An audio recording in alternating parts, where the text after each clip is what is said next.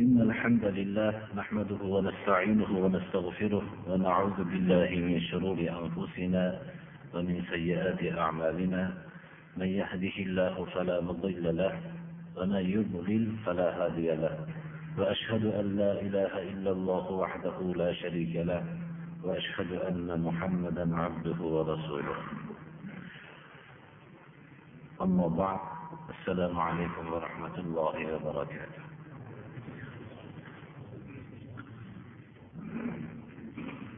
birinchi darsimizda biz استعيذ بالله وما أمروا إلا ليعبدوا الله مخلصين له الدين حنفاء ويقيموا الصلاة ويؤتوا الزكاة وذلك دين القيمة يعني insonlar asosiy hayotdan maqsad bo'lgan va Alloh tarafidan ma'mur bo'lishgan Alloh subhanahu va taologa ibodatni xolis o'zigagina qilishlik ma'nosini ifodalovchi ixlos haqida dars qilgan bo'ldik. Darsimizning birinchisini ixlos asosi bilan boshlaganligimiz chunki asli inson o'zi Allohni yaratuvchi ekanligini yoyinki rizq beruvchi ekanligini yoyinki Allohga ibodat qilib va boshqa narsalarga ham ibodat qilishlik uchun yaratilgan emas. To'g'ri, Allohni yaratuvchi ekanligini bilish, Allohning rizq beruvchi zot ekanligini bilish bu iymonning asoslaridan. Lekin asosiy ma'mur bo'lgan narsa yagona Allohni o'ziga ibodatni qilishlikka ma'mur bo'lgan. Bu ixlosning ma'nosi edi. Biz tavsiya qilamizki, birinchi darsimizda hozir bo'lmagan kishilar bizning kelajak darslarimizning qisman tushunishmaydilar. Chunki biz ixlos asosiga ixlosni biz endi buncha mufassal suratda takrorlamaymiz. Islomning asoslaridan bittasi yana uxuvvat va al-hubbu fillah. Qisqacha qilib aytganimizda Rasululloh sallallohu alayhi va sallam aytdilarki, "Awfaqu ural iymon al-hubbu fillah wal-bughdu fillah." Iymon asoslarining eng mustahkam asosi Alloh uchun yaxshi ko'rish va Alloh uchun yomon ko'rishlikdir dedilar. Kishi iymonning lazzatidan bebahra bo'lib o'tadi hayotida agar Alloh uchun birovni yaxshi ko'rmasa va Alloh uchun birovni yomon ko'rmasa. Hatto Rasululloh sallallohu alayhi va sallam o'zlarining islomiy jamiyatlarini Alloh tarafidan ma'mur bo'lgan shu jamiyatni qurishliklarida avvalgi e'lonlari o'zlarining kichkina bir jamiyatlarining ichida Alloh uchun yaxshi ko'rish va Alloh uchun yomon ko'rish asosini hammasidan ham avvalgisi, ya'ni Alloh uchun yaxshi ko'rishlik aqidasini, iymonning asosini barpo qildilar. olloh yo'lida yaxshi ko'rishlik bilan jamiyat ajraldi. Ya'ni Alloh uchun yaxshi ko'rishlikning ma'nosi nima edi? Alloh uchun yaxshi ko'rishlik aqida asosida birlashlik edi. Bu iymonning avvalgi bosqichi edi. Shu bosqich bilan kishilar bo'linardi. Modomiki islomiy jamiyat pok jamiyat Alloh uchun yaxshi ko'rgan kishilardan tashkil topgan jamiyat bo'lmas ekan, Allohning madadi u jamiyatda bo'lmaydi. Allohning e'tiborida bu jamiyat bo'lmaydi.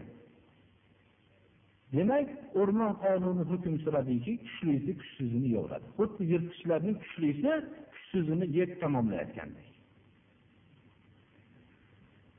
rasululloh sollallohu alayhi vasallam ashoblarni o'rtalaridagi muhabbatni qurishlikka bu muhabbatni paydo bo'lishligini mizojiy masala demadilar ya'ni bu iymon masalasi dedilar aytdilarki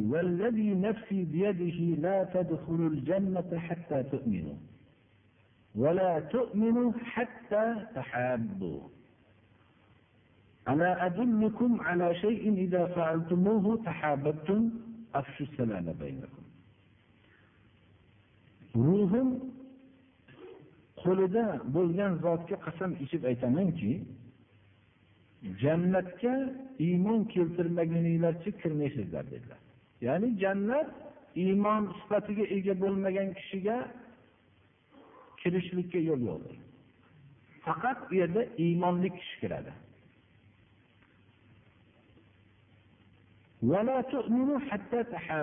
Iymon sifati sizlarda paydo bo'lmaydi hatto muhabbat sifati paydo bo'l muhabbatlashish. Ya'ni olloh yo'lidagi muhabbatlashish paydo bo'lmaguncha sizlarda iymon paydo bo'lmaydi dedilar iymonga qaytdilar va agar qilsanglar muhabbatlashadigan bir narsani sizlarga yo'llab qo'yaymi dedilar. Va javobini aytdilarki salomni o'rtada fosh qilinglar ya'ni salom berishlik ham emas balki salomni fosh qilishlik. Salomni fosh qilishlik faqat bu salom berishlikni o'zi emas. Mo'minlar uchrashgan vaqtida ko'rishib salomni o'zini birodariga salomatlikni bo'lishligini e'lon qilish va allohning rahmati bo'lishligini e'lon qilish va allohning barakotini bo'lishligini e'lon qilish. Shu bilan uni tarafidan ham bu javobni bo'lishligi o'rtada qalbdagi bir adovatlarni yo'qligiga bir dalolat qiluvchi kalima bilan o'rtada muhabbat paydo bo'ladi. Muhabbat paydo bo'lgandan keyin iymon paydo bo'ladi. Iymon paydo bo'lgandan keyin jannatga dohil bo'lishlikka sabab bo'ladi. Alloh subhanahu va taolo bu muhabbatni nima asosda bo'lishligini va bu muhabbatlashish olloh tarafidan bo'lgan ne'mat ekanligini va bu muhabbatlashish degan narsa aqida asosida bo'lgandagina ne'mat ekanligini bayon qilib alloh subhanahu va taolo rasululloh sollallohu alayhi vasallamga va mo'minlarga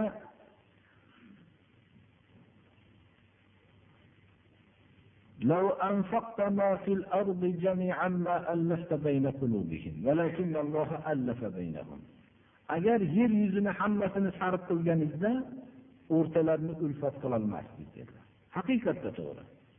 Agar inson o'zidagi molini hammasini sarf qilib yurib ulfat qilib qo'lga olaman birovni desa ulfatlik bo'lmaganligini biz ozgina qisqa hayotimizda ham ko'rib turibmiz. Birovni yordam qilishlik boshqa taovun sifatlari albatta muhabbatga sabab bo'ladi lekin muhabbatning markazi bo'la olmaydi. Bir joyda yashash bitta millat bo'lish yoyinki bir o'rtadagi hadovalarni bo'lishligi yoyinki muhtoj bo'lgan narsalarni berishlik bu asli bu muhabbatga sabab bo'lolmaydi alloh subhanahu va taolo tarafidan ne'mat bo'lgan. Agar rasululloh sollallohu alayhi vasallamga olloh xitob qilyapti buni din dushmanlari ham eshitib olsinki din dushmanlari muhammad alayhissalom oldilarida yig'ilgan moliyaviy narsa bilan o'zlariga qaratgan deganlar. Agar moliyaviy narsa bilan o'ziga qaratib do'st bo'lishlik sarf bo'lganda bu hukumatdan ilgarigi hukumat sarf qildi tamomiy o'zini xalqiga bermasdan boshqa millatlarni qo'lga olishlik uchun ular hammasi kelajakda dushman bo'lib qoldi. Mana bu narsa moli davlat bilan insonlar o'rtasida bir komil muhabbat hosil bo'lmasligini o'zimiz ko'rib turibmiz. Mana qur'oni karimdagi agar yer yuzidagi hamma narsani sarf qilganingizda siz bu atrofingizga yiqilgan ashoblarni ulfat qila olmagan bo'ladingiz. Lekin olloh islom aqidasi bilan ulfat qilib berdi. Aqida insonlarni birlashtirganda uni hech bir ajratib bo'lmaydigan bir robitaga aylanadi. alloh subhanahu va taolo bu ne'matni ko'p joyda yod qildi إذ كنتم أعداء فألف بين قلوبكم فأصبحتم بنعمته إخوانا Allohning ne'matini yodinglarga olinglar.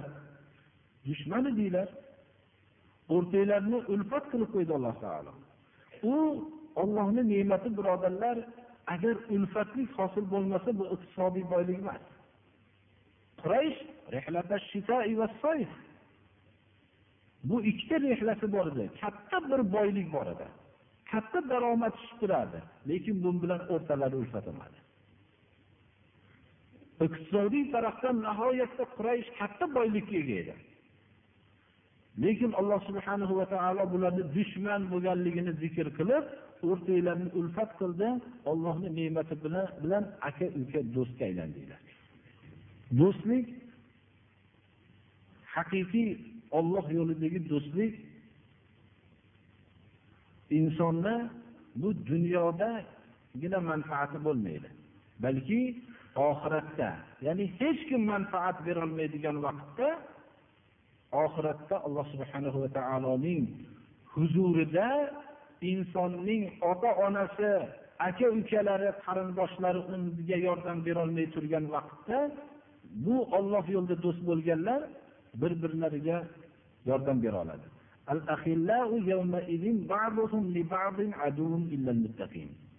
halil qadrdon bo'lib ketgan do'stlar qiyomat kuni bir birlariga dushman bo'lishadi magar Alloh yo'lida do'st bo'lganlargina bundan mustasnodir.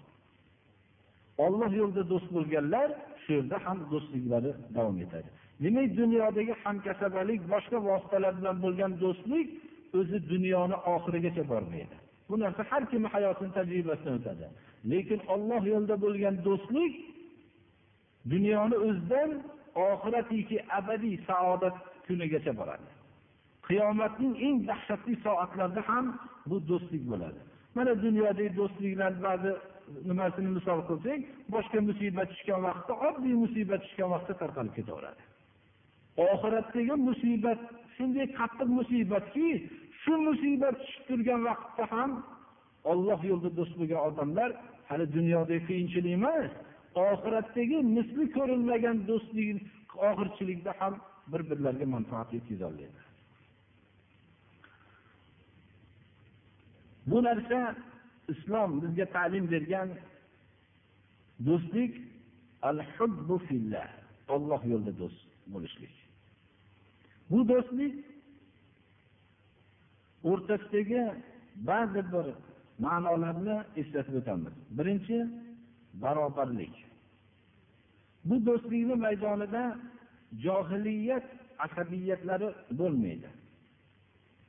Nasabga bog'lanmaydi. Boylik martabaga bog'lanmaydi. Xullas jins rang bular hammasiga bog'lanmaydi. Alloh subhanahu va taoloning o'zini bergan miqyosiga bog'lanadiki يا أيها الناس إنا خلقناكم من ذكر وأنثى وجعلناكم شعوبا وقبائل لتعارفوا إن أكرمكم عند الله أتقاكم رسول الله صلى الله عليه وسلم أيها الناس إن ربكم واحد وإن أباكم واحد لا فصل لعرب لا فضل لعربي على عجمي ولا لأبيض على أسود إلا بالتقوى كلكم لآدم وآدم من تراب إن أكرمكم عند الله أتقاكم ey odamlar rabbiylar bir hammaning otasi bir arabning ajamdan ortiqligi yo'q oq tanlik qora tanlikdan ortiq emas magar taqvo bilan hammanglar odamga mansubsizlar odam tuproqdan yaratilgan ichinglarda ollohni huzurida mukarraminglar taqvodorrog'inglar barobarlik fazilatda ham barobarlik va uqubatda ham barobarlik. Islom o'zining uqubatini boshqa bir boyga boshqacha, kambag'alga boshqacha, yo nasablikka, obro'likka boshqacha, yo obro'sizga boshqacha qilmaydi. Hamma islomiy an'analarda ham barobarlik. Namoz hamma boylar avvalgi safga o'tsin degan gap yo'q. Haj hamma barobarlik. Boyu kambag'al hokim mahkumni o'rtasida barobar qaraydi. Oqtanlik qoratanlik yo'q. Xuddi uqubatlarda ham barobar.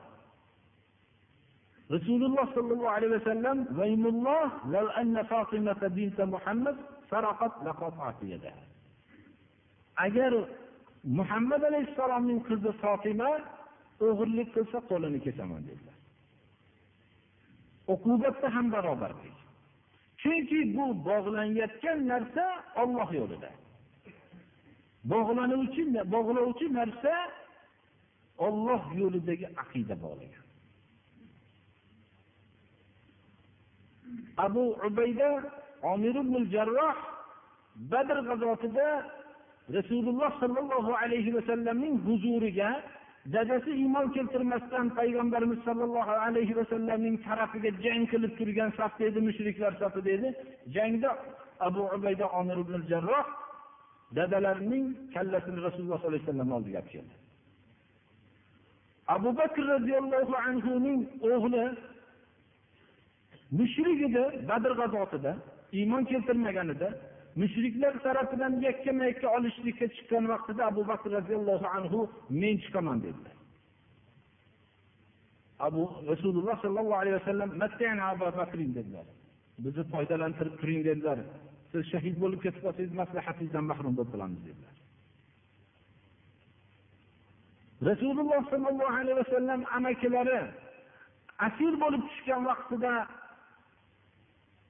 amakilaridan boshqadan olinayotgan fidyani hammaga barobar fidya olishlikka maslahat bo'lgandan keyin fidyani ko'proq olinglar. Buni bu badavlatroq dedilar bog'lab turgan narsa aqida edi. Aqida uzilishlik bilan boshqa hamma aloqalar uzildi.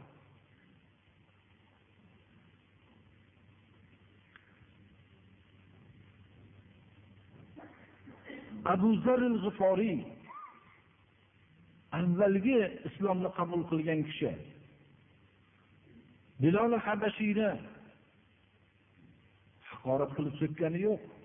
Bir voqedek narsani aytdilar. Lekin u voqedek narsa haqiqat edi. Lekin haqoratga sabab bo'ladigan narsa edi. Dedilar ey qora xotinni o'g'li dedilar. Bilol habashiy haqiqatda qora edilar qora ayolning o'g'li edi. Lekin shunda rasululloh sollallohu alayhi vasallam dedilar وليس لابن البيضاء على ابن السوداء فضل إلا بعمل صالح qora xotinni o'g'li men olib kelgan yo'lda dedilar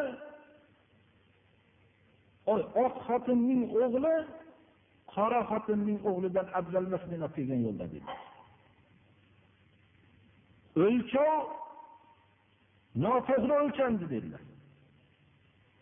Bu o'lchovlarni keraksiz o'lchov ekanligini bayon qildi. Rasululloh sollallohu alayhi vasallamning bu so'z birodarlar tarixda bo'lishi mumkin. Boshqa maslaklardan shunaqa so'z yaltiroq so'zlar bo'lishi mumkin. Lekin bu so'z o'zining oz shu vaqtni o'zida amalini ko'rsatdi.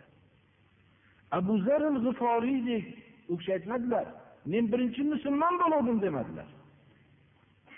Yoinki ulug'zodaman demadilar. Ana abu zar g'iforiy bu so'zdan ta'sirlandilarda va yuzlarini tuproqqa qo'ydilar bilol habashiyga qum ala dedilar. Tur o'rningdan yuzini oyog'ing bilan bos dedilar. Qasam ichdilarki ba'zi rivoyatlarda agar bilol yuzimni bosmasa boshimni ko'tarmayman hilol habashiy majbur bo'ldilar bosishlikka. Ya'ni bu kirgan yo'l yo oldin kirgan afzalligi yoyinki biror bir oqtanlik bo'lib afzalligi yoyinki bir davlati bo'lib afzalligi bunaqa yo'lni olib kelmadi islom. Rasululloh sollallohu alayhi vasallam iymonga avvalgi hadisimizda aytgandek muhabbatni shart qildilar. mana bu hadis shariflarda la yu'minu ahadukum hatta yuhibba li akhihi ma yuhibbu li nafsihi. Birodari uchun yaxshi ko'rgan o'zi uchun yaxshi ko'rgan narsani birodari yaxshi ko'rmaguncha iymoni bo'lmaydi dedilar. Demak olloh yo'lidagi birodariga o'zi yaxshi ko'rgan narsani yaxshi ko'rishlik bilan iymonlik bo'la oladi. Hatto olloh yo'lidagi do'stlarni yetti toifaning bittasi deb aytdilar. Ollohni soyasida bo'ladigan qiyomatdagi dahshatli jazirama issiqda o'zidan chiqqan ter qulog'igacha uni g'arq qiladigan vaqtda ollohning soyasida bo'ladi.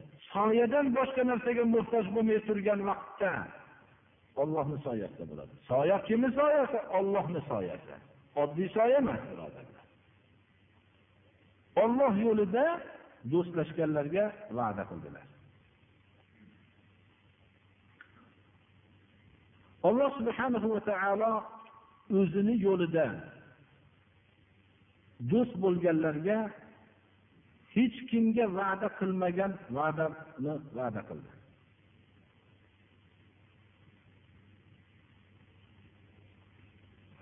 ينسب لطائفة من الناس كراسي حول العرش يوم القيامة وجوههم كالقمر ليلة البدر يفزع الناس وهم لا يفزعون. ويخاف الناس وهم لا يخافون وهم أولياء الله الذين لا خوف عليهم ولا هم يحزنون. فقيل من هؤلاء يا رسول الله؟ فقال هم المتحابين هم المتحابون في الله تعالى. Qiyomat kuni arshning atrofiga kursiylar qo'yiladi ba'zi bir toifa kishilarga.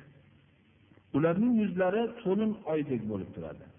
Odamlar qo'rqishadi bular tashvishlanmay o'tirishadi. Odamlar titroqda bular titrashmaydi. Bular ollohning do'stlariki ularga xavf ham yo'q g'amgin ham emas ular. Bular kim yo rasululloh deb so'rashganlarida olloh yo'lida do'stlashganlar dedilar. Alloh subhanahu va taolo mana hadisi qudsiyda shu mazmun borki ba'zi payg'ambarlarga vahiy qildiki dunyoni do'st tutmasliging bu bilan dunyoda rohatlanib maza qilib yashading dunyoni do'st tutmaslik birodarlar o'ziga insonni rohat. Bu ham o'zingga bo'ldi. Bu qilayotgan ibodatlarimizni surishtirsak namoz o'qishligimiz jismimizga salomatlik bo'ladigan narsalarni iste'mol qilishligimizga zarar qiladigan narsalardan saqlanishligimizga sabab bo'ladi. Hamma ibodatlarni surishtirsangiz o'zimiz uchun manfaatdir. Dunyoni do'st tutmaslik ham o'zi mana dunyoni do'st tutib yurgan odamlar yaxshi biladi dunyoni do'st tutib yurib butun g'am g'ussada qoladi. Bu dunyoni kimlarga farzandlarga topib berib butun ollohni buyrug'idan qolib topib berilganlik bilan farzandlardan ham yaxshilik ko'rmaysiz dunyoni do'st tutmaslik o'zi rohat o'zi. Bu dunyoni do'st tutmasliging bilan o'zing rohatlanib olding boshqa ibodatlarni manfaati o'zingga bo'ldi. Javonmardlik bilan odamlar maqtadi. Men uchun nima amal qilding deydi alloh taolo. Shunda banda so'raydi ekanki sen uchun bo'lgan amal nima edi? Meni haqqimni o'tadingmi? degan vaqtda meni do'stimni do'st tutish dushmanimni dushman tutish edi dedi. Mana bu men uchun bo'lgan amal va mening sendagi haqqim deydi alloh taolo. Xullas olloh yo'lida do'st bo'lgan kishilarga va'da qilingan va'dani mana boshqa hadislarda borki payg'ambarlar ham emas shahidlar ham emas ammo ularga berilgan bir toifa kishilar borki berilgan martabani payg'ambarlar ham shahidlar ham orzu qilishadi. Shunda so'radilarki ashoblar yo rasululloh bizga aytib bering bu narsani. Deganlarda ham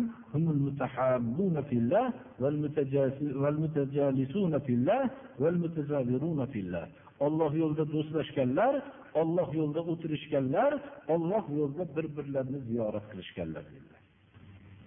Rasululloh sollallohu alayhi vasallam iymonning halovatini tatishlikni uch narsaga bog'ladilar bittasi olloh uchun yaxshi ko'rishlik ثلاث من كن فيه وجد حلاوة الإيمان أن يكون الله ورسوله أحب إليه مما سواهما وأن يحب المرء لا يحبه إلا لله وأن يكره أن يعود في الكفر بعد إذ أنقذه الله منه كما يكره أن يقذف في النار uch narsa borki agar bu uch narsa kimda topilsa iymon halovatini tatiydi alloh rasuli unga boshqa hamma narsadan suyimliroq bo'lsa va birovni olloh uchun yaxshi ko'rsa va alloh taolo kufrdan qutqargandan keyin xuddi o'tga uloqtirilishligini qanchalik yomon ko'rgandaqa kufrga qaytishlikni o'ylasa shunday yomon ko'radi shundagina iymon halovatini tatiydi bo'lmasam ro'barasida turgan asalni umrida tatimasdan qarab turib buni shirin deb eshitganman deb o'tirgan odamdek bo'lib o'tib ketaveradi. Har bir narsaning lazzati bor. Iymonning ham lazzat halovati bor. Mana bu halovati shu uchta sifatni egasigagina nasib bo'ladi. Birodarlik haqlari ikki qismga bo'linadi. Birinchisi umumiy haqlar ikkinchisi xususiy haqlar. Umumiy haqlar shuki musulmon kishini agar olloh rabbim deb islom mening dinim deb qur'on mening imomim muhammad alayhissalom mening yetakchi payg'ambarim deb tan olgan bo'lsa biz shu kishilarga umumiy haqlarimizni o'tab yurishlikka biz majburmiz. Agar o'tamasak musulmon birodarlarning haqqini o'tamagan bo'lamiz. Musulmonning musulmondagi haqlari nima? Imom muslim abu hurayra roziyallohu anhudan bu rivoyat qilib keltiradilarki mana bu hadis sharif shunga javob bo'ladi? Haqqul muslimi alal muslimi sittun. Musulmonning musulmon ustidagi haqqi oltita. Uchrab qolsang salom bergin. Ro'baro bo'lgan vaqtda salom berish bu musulmon odamning bizdagi haqqi. Seni bir shar'iy ziyofatga chaqirsa ijobat qilgin. Sendan nasihat xolislik talab qilsa xolis nasihat qilgin. Mabodo bir narsa haqida maslahat so'rasa shuni xolis gapirib berishlikni talab qilsa agarchi o'zimizni dushmanimiz haqida bo'lsa ham to'g'ri bir guvohlik berishlikka majburmiz. Bu umumiy haq birodarlar.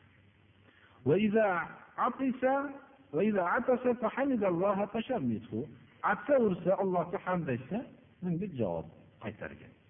Alhamdulillah desa yarhamukalloh deb javob berishlikka biznidagi haqqidir kasal bo'lsa ko'rgani borgin.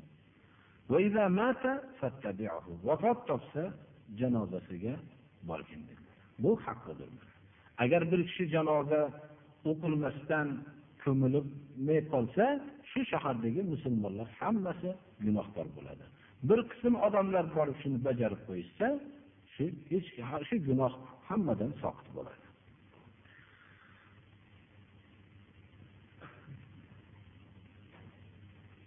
Xususiy haqlar. Bu endi bu yaqinroq birodarlarning bizda bir xususiy haqlari bo'ladi.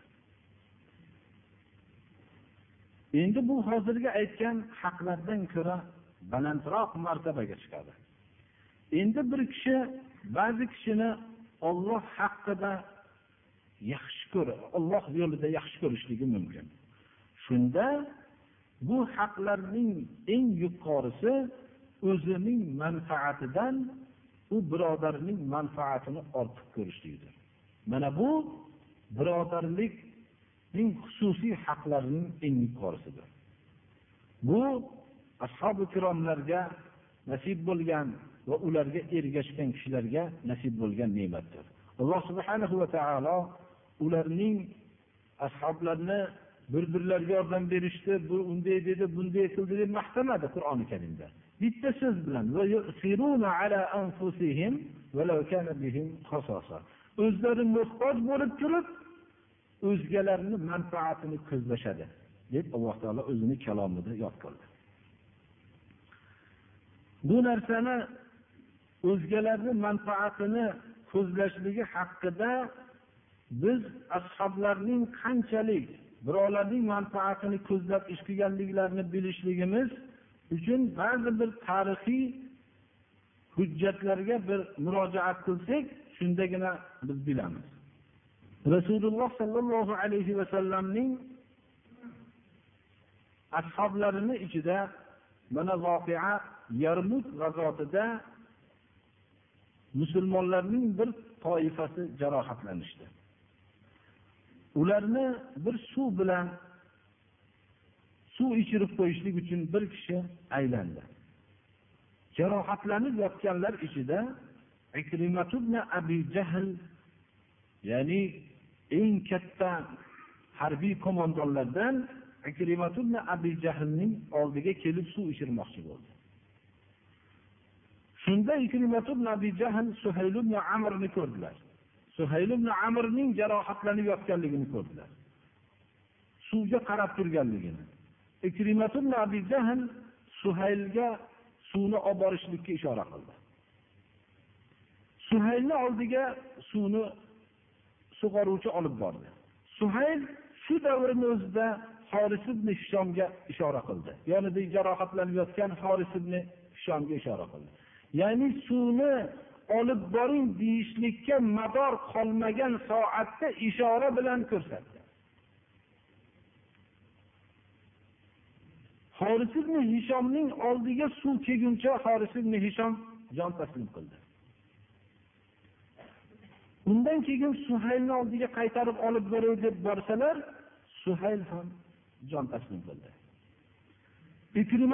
Abi jahl oldiga borganlarida u kishi jon taslim qilib bo'lgan edi.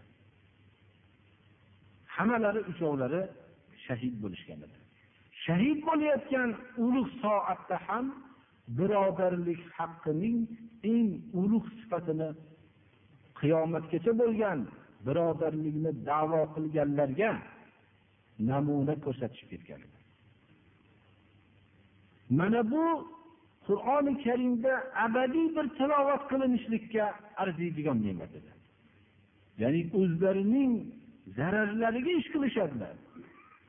Agarchi o'zlari muhtoj bo'lsa ham muhtojlik shu suvdan boshqa narsaga muhtoj emas edi. Shu suvga muhtoj edi.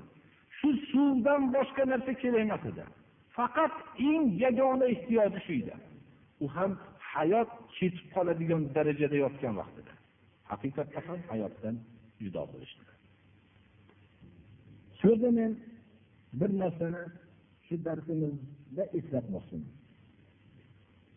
Hozir hammamizni qalbimizda olloh uchun yaxshi ko'rishga bo'lgan muhabbat qo'zg'aldi deb bilaman. Demak bu martaba eng katta martaba bu olloh tarafidan juda katta ne'mat. Bunga har bir kishi nasib bo'lmas olloh yo'lida muhabbatlashlik hamma odam bilan muhabbatlashlik shavq paydo bo'ldi deb aytsam xato bo'lmasa kerak. Chunki buni mukofotlarni eshitganda va shusiz insonda iymon sifati mujassam bo'lib komil bo'lmasligini eshitganimizdan keyin. Lekin bu narsaning biz ba'zi bir bir tarafdan olloh uchun sizni yaxshi ko'raman desa ikkinchi tarafdan ham olloh uchun yaxshi ko'raman degan so'z bo'ladimi? Yo'qmi bir. Ikkinchidan ikkinchi tarafdan aytilsa buning shartlari bormi? Yoki shu so'z bilan payg'ambarlar shahidlar havas qiladigan martabani egallaymizmi buning uchun men bunga javoban shunday bir voqeadan zamoni rasululloh sollallohu alayhi vasallamning davridagi sahobalarning ba'zilari o'rtalarida bo'lgan narsani misol qilib qo'yaman. Undan keyin olloh uchun do'st bo'lishlikning ma'nosi nima ekanligini tushunishlik o'zinglarga havola. Bir kishi abu hurayra roziyallohu anhuni oldiga keldilar aytdilarki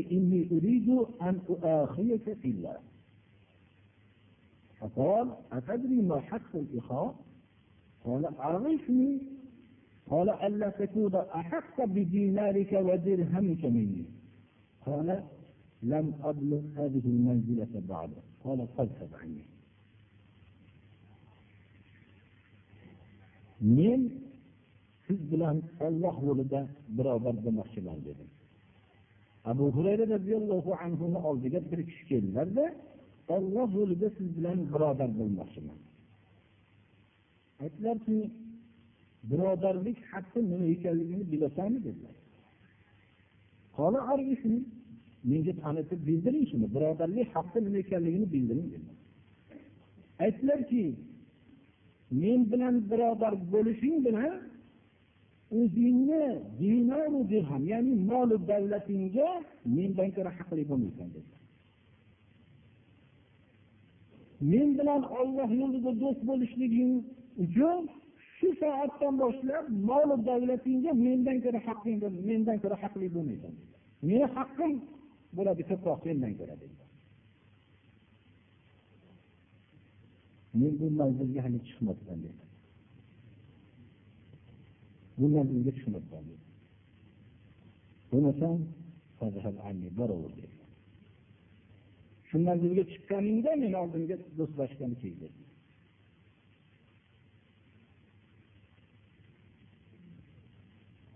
abu sulaymon daroniy aytgan ekanlarki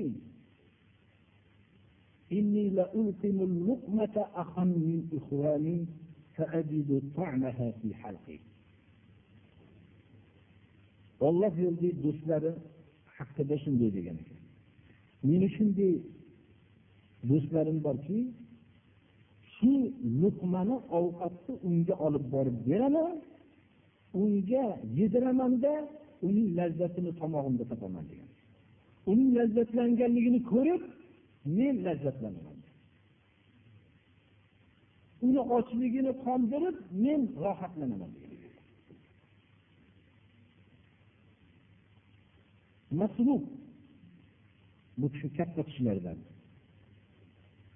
Katta miqdorda qarz bo'lib qolgan ekanlar. Haysana ismli zot bilan olloh yo'lida birodar ekanlar. u kishining ham qarzi bor ekan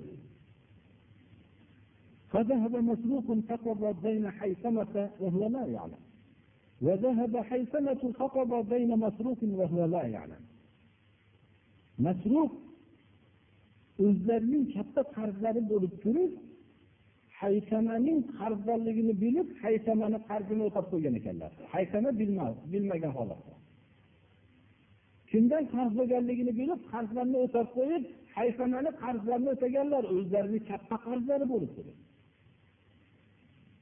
haysama ham o'zini qarzi bo'lib turib masrufning katta qarzi bor oldin shuni o'tay deb bu masruf bilmagan holatda u kishini qarzini o'tab qo'ygan ekan.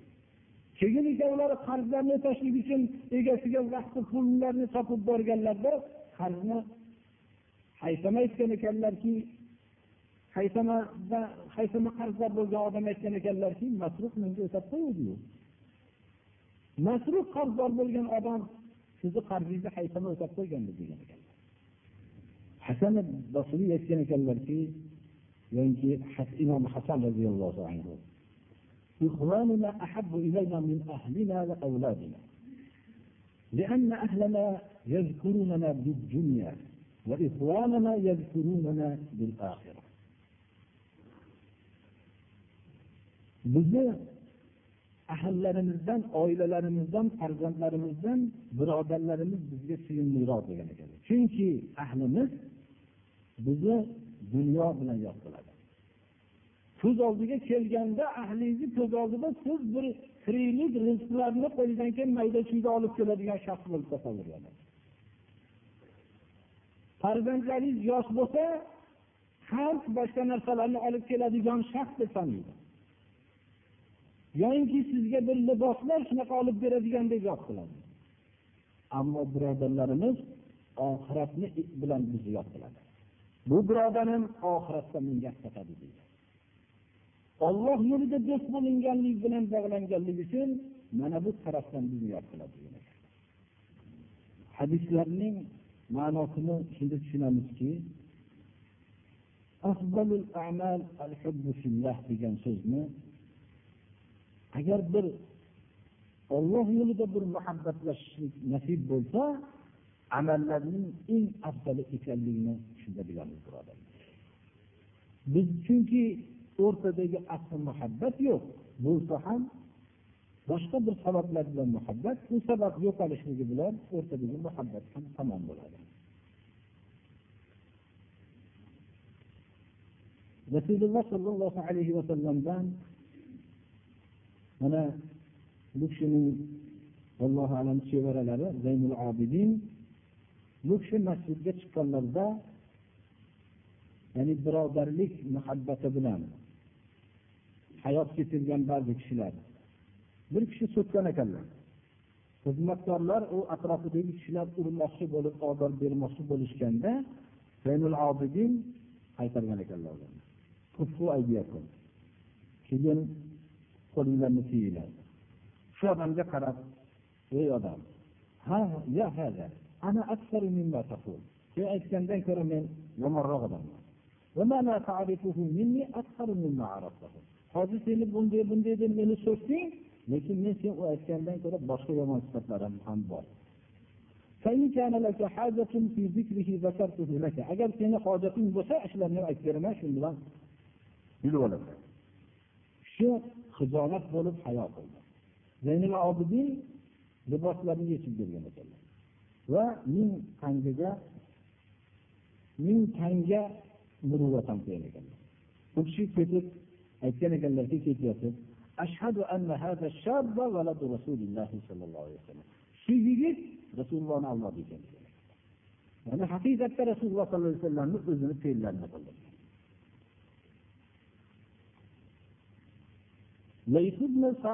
Degan sahobalar bu kishi keyingi tobiinlardan vallohu alam ذا غلة سنوية تزيد على سبعين ألف دينار ويتصدق بها كلها حتى قالوا إنه لم تجب عليه زكاة قط ليس بن سعد juda bir yilda katta g'alla oladigan kishi ekanlar hattoki yetmish ming dinordan ortib ketar ekan daromadlari yillik daromadlari bu dinor juda katta pul tarixda ham shunday bo'lgan hozir ham juda katta puldir vallohu alam bir dinor hozirgi she'rni puliga o'n ming so'mga to'g'ri keladi.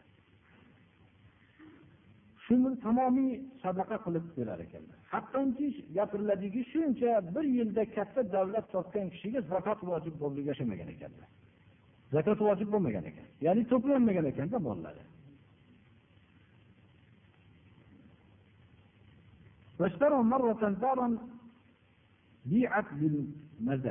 mazod degan joyda sotilgan bir uyni sotib olgan ekanlar فذهب وكيله يتسلمها فوجد فيها أيتاما وأطفالا صغارا vakillari shu uyni sotib olingan uyni qabul qilib olishlik uchun borsalar yetim va kichkina go'dak bolalar turgan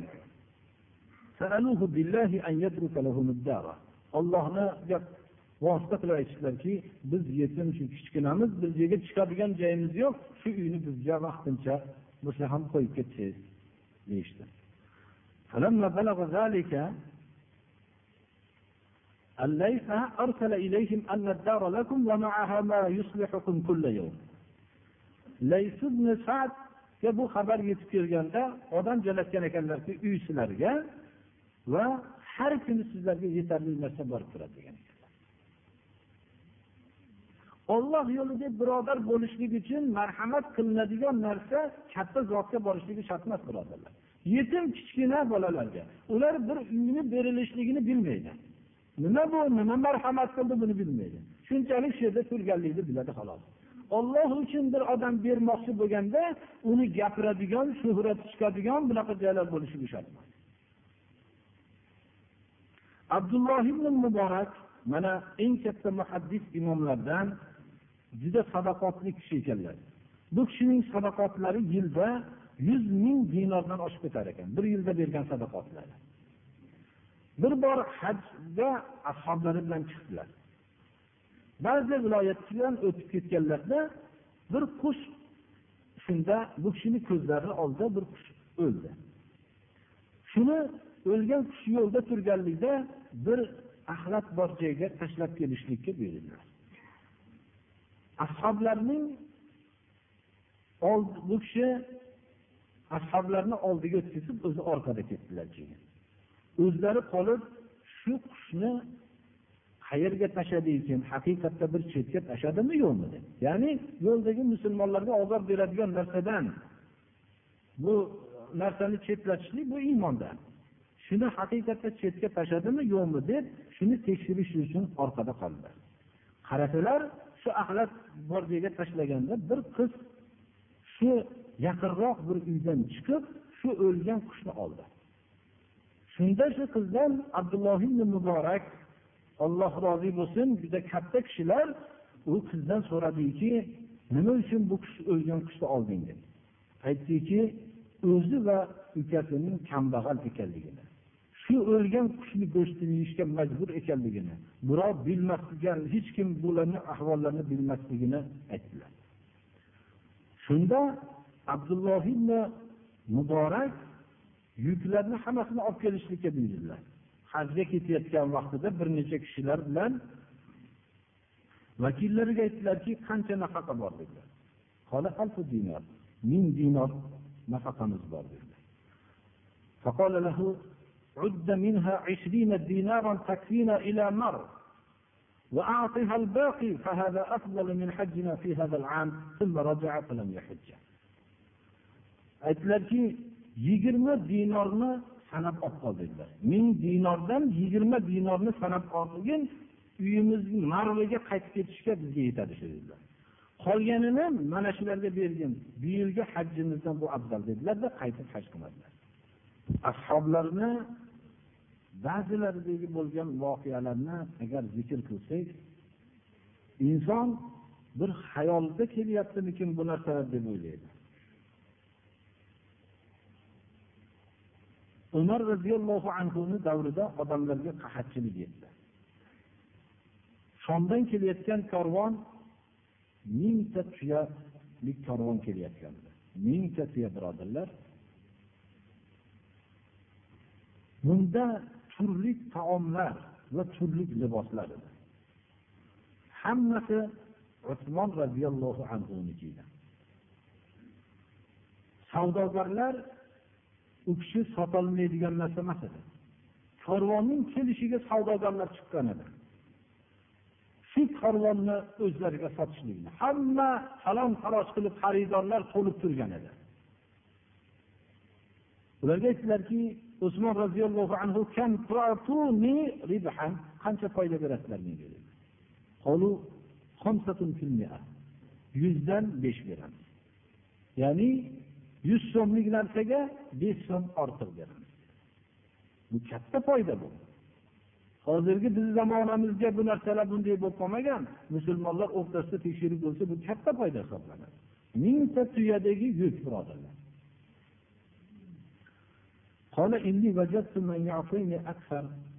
men ko'proq foyda beradiganni topib qoldim sizlarga sotmayman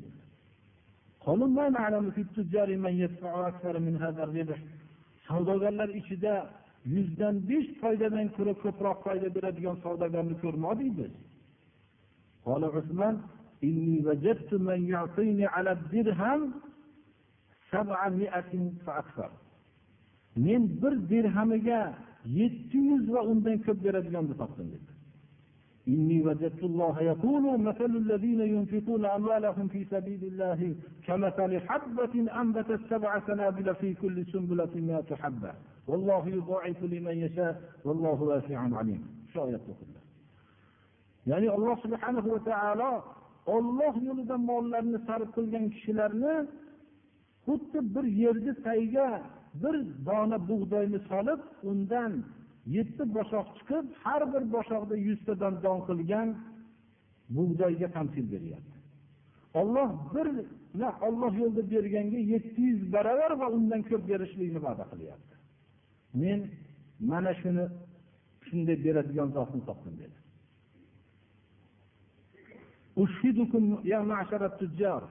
أشهدكم يا معشر التجار أن القافلة وما فيها من بر ودقيق وزيت وسمن وثياب قد وهبتها لفقراء المدينة وإنها صدقة على المسلمين sizlarni guvoh qilib aytamanki savdogarlar jamoasi korvon va korvondagi bug'doy un yog' va sariyog' va liboslar hammasi madinaning kambag'allariga berdim shuni dedilar tuyayu hamma yoq bilan beryaptilar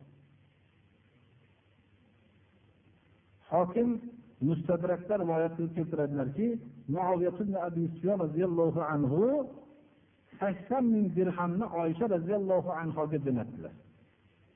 Oysha roziyallohu anho ro'za tutgan ekanlar shu kunda nofil ro'za. Ustlarida eski bir libos turgan. Shu molni shu soatda kambag'al miskinlarga taqsim qilib yuborgan ekanlar. Biror bir tanga olib qolmagan ekanlar. Ya'ni sakson ming tangadan birodarlar ro'za tutgan ayol ustida eski libosi bor. Xodimalar aytgan ekanlarki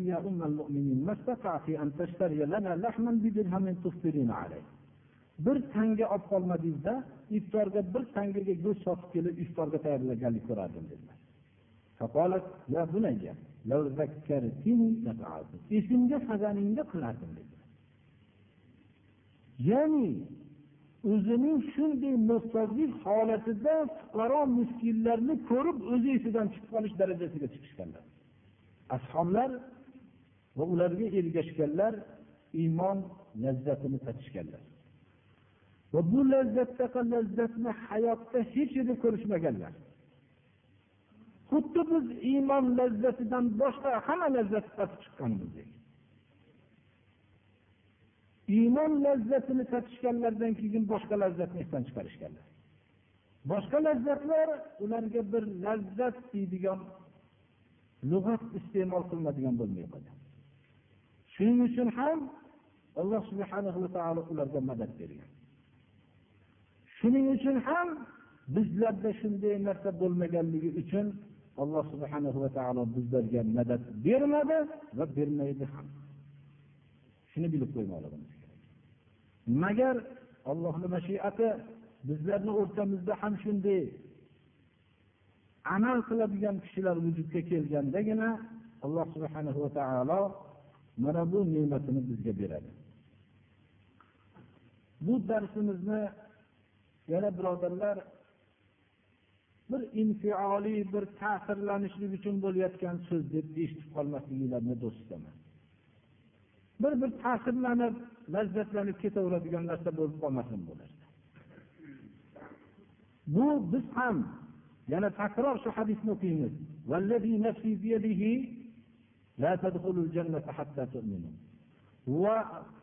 ولا تؤمنوا حتى تحابوا ألا أدلكم على شيء إذا فعلتموه تحاببتم أفشوا السلام بينكم mana shu hadis sharif iymon sifatiga ega bo'lmaguninglarcha jannatga kirmaysizlar.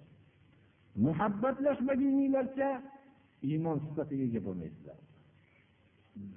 Agar o'rtanglarda salomni fosh qilsanglar ya'ni bir biringlarga halokat bo'lsin demasdan ollohni rahmati salomatligi va barakoti bo'lsin deydigan darajada qalbinglardan shunday fosh qilib o'rtanglarda salomni fosh qilar ekansizlar shunda o'rtanglarda muhabbat hosil bo'ladi dedilar. Alloh subhanahu va taolo hammamizga olloh yo'lida muhabbatni nasib qilganga o'xshagan. Darsimizda avvalda aytib o'tdik olloh yo'lida yomon ko'rishlikni ham nasib qilsin. Modomiki olloh yo'lida birovni yomon ko'rmas ekansiz olloh yo'lida muhabbat hosil bo'lmaydi birodarlar.